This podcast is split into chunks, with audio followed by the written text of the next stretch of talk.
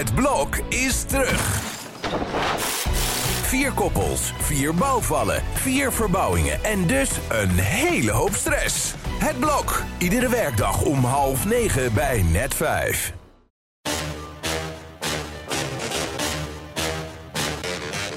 Dit is Trick Privé. De dagelijkse showbiz-update met Evert Zandgoeds en Jordi Versteegde. Het begin van een nieuwe maand, nieuwe ronde, nieuwe kansen in showbizland, toch Evert? Zeker, en augustus is altijd wel een lekkere maand van oudsher. Maar ja, niet als je in Nederland bent gebleven deze zomer. Ja, voordat we weer een weerbericht gaan doen, laten we het gewoon over Ja. andere dingen hebben. Ja, een goede eerste ronde voor eh, de slimste mens gisteravond. Een record, 2,3 miljoen mensen. Nederland had zich erop verheugd, dat is wel duidelijk. Ja, zo meteen weer met een knaller beginnen. Dat is wel, eh, ja, Henk Schiefmacher. Ja, nou, ja, ja, ja. ja nou, en dat mensen zo weinig weten over Pieter Omtzigt. Dat gaat toch ook te denken. In- Inderdaad. De, de, de toeslagenaffaire, functie elders, dat, dat moet je toch wel paraat hebben, lijkt me. Over, als het over een van de meest besproken mannen van Nederland gaat op dit moment. Maar ja, Evert, je hebt makkelijk praten. Je hebt eerder gezegd dat jij er niet wil gaan zitten. Dat is dan typisch zoiets van mensen die thuis op de bank zitten en het altijd beter Yes. weten natuurlijk. Nou ja, wat mij nog opviel, gisteren op het andere net, op NPO 2, was in één keer een herhaling van Met het mes op tafel te zien met Herman van der Zand. Zou dat dan... ja. we blijven speculeren. Maar... staat al iets langer in het schema dan bekend is dat hij naar KRO en CRV gaat. eh, Ja. Vermoed ik zomaar. Dus dat lijkt me toeval. Maar ja, mensen hebben wel wat te kiezen. Ja, het zou zo kunnen zijn dat we jou binnenkort toch in een soort van quiz gaan zien. Ranking the Stars, want dat komt misschien wel terug bij SBS 6. Wat heb jij daarvan vernomen? Nou, het, het verhaal gaat, althans een eh, hoofdredacteur van Vrij Nederland, die heeft het verhaal, moet je ook al, die zit ook al in mijn wijk, die begint ook al te speculeren wat er allemaal gaat gebeuren. Die Frans Klein de nieuwe baas wordt van, van Talpa. En ja, die is goed bevriend met Matthijs van Nieuwkerk, maar dat niet alleen, maar ook met Paul de Leeuw. En Ja. hij en Paul de Leeuw, die hadden er bijna voor gezorgd dat dit voorjaar er weer een nieuwe serie van Ranking the Stars op tv zou komen. En wie hadden ze daarvoor al vastgelegd voor het eerst? Nou, dat was ik. Nou ja, Dus ik had me er eigenlijk wel op verheugd. Toen ging het helemaal niet door, omdat de Va- BNN-VARA het niet wilde. Maar ik kan me voorstellen, als hij dat een leuk format vindt, en het, ja, dat zou prima passen op, op SBS. Nou, ze hebben mijn nummer, dus eh, wie weet. Paul zie ik eigenlijk best bij SBS eh, Ja. aan het werk gaan. hij heeft het de laatste tijd ook wel naar zijn zin weer bij BNM Vara. Maar jij zegt het zou dus zomaar eens kunnen dat nu Frans Klein vandaag begonnen is bij Talpa. Ja, dat dat programma dan na- naartoe komt. Ik sluit het niet uit. En eh, ja, waarom ook niet? Het is eigenlijk al meer een programma voor de commerciële dan voor een eh, publieke omroep, vind ik. Dus nou, We gaan het volgen, we gaan het volgen. Zie jij Gerard Joling en Gordon nog ooit samen terugkeren met Over de Vloer? nee.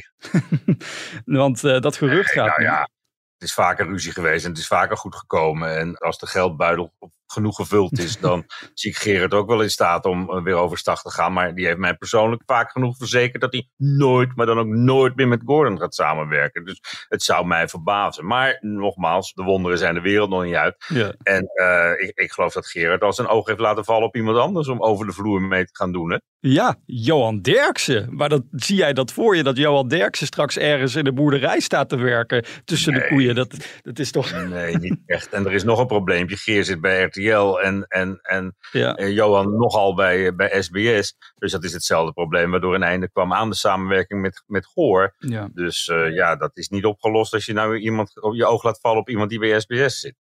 We gaan eh, even naar triest nieuws voor Fred van Leer, want er is wederom bij hem ingebroken.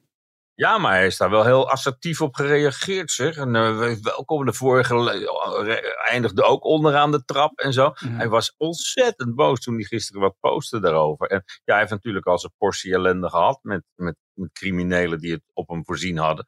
Hij krijgt de hele dag pakjes als stylist en, en, en, en let even niet op wie er naar boven kwam. Twee mannen in een PostNL-jack. Maar daar bleef het ook bij. En verder een wapen. Die heeft hij toen van de trap afgeflikkerd. En eh, die is veroordeeld tot, een van die twee is veroordeeld zelfs tot drie jaar gevangenisstraf. Zo. En ja, nu was er weer ingebroken. Hij heeft niet verteld wat er allemaal weg was. Maar ja, het idee al dat er weer iemand door je huis loopt te banjeren. Dat is natuurlijk wel even wat minder. Hij heeft eh, gisteren nog in een videoboodschap gere- gereageerd dat er niks bij hem te halen valt. Dus dat eh, herhalen we dan ook nog maar eens een keer in deze podcast. Mochten er eh, dieven luisteren, gewoon niet naar Fred van Leer. Maar goed, het is ook wel heftig. Hè? Stel dat je dan weer thuis bent en die mannen in één keer boven ziet. Dat, dat lijkt me zo intens. Dat verschrikkelijk. Ja, je ziet liever andere mannen boven. Daar hebben we ook wel eens een filmpje van gezien. Ja, eh, wij moeten even door, want er is helaas ook slecht nieuws voor Rick Engelkus, hè? Nou, en daar houdt het niet mee op. Nee, die heeft dat natuurlijk om te beginnen vorige week gehoord dat die 3,7 miljoen, mind you, moet terugbetalen aan dat fonds waar die coronasteun uit gekregen heeft. En nu heeft ook zijn vriendin het nog voor gezien gehouden. Marie-Claire Noorlander, tellig uit de beroemde Noordwijkse familie, die daar onder andere dat prachtige Grand Hotel Huis ter Duin bezit die houdt het voor gezien. De twee schijnen al maanden uit elkaar te gaan als een soort proefscheiding. En dat bevalt daar wel. Dus ja, het heeft het duidelijk gemaakt dat ze niet door wil met Riek Engelkes. Die daar nog geen woord aan eh, besteed heeft verder zelf. Maar uh, ja, het zit Rick niet mee. En ik begrijp dat er nog meer ellende is die op hem afkomt. Oh. Maar daar gaan we eerdaags meer over horen.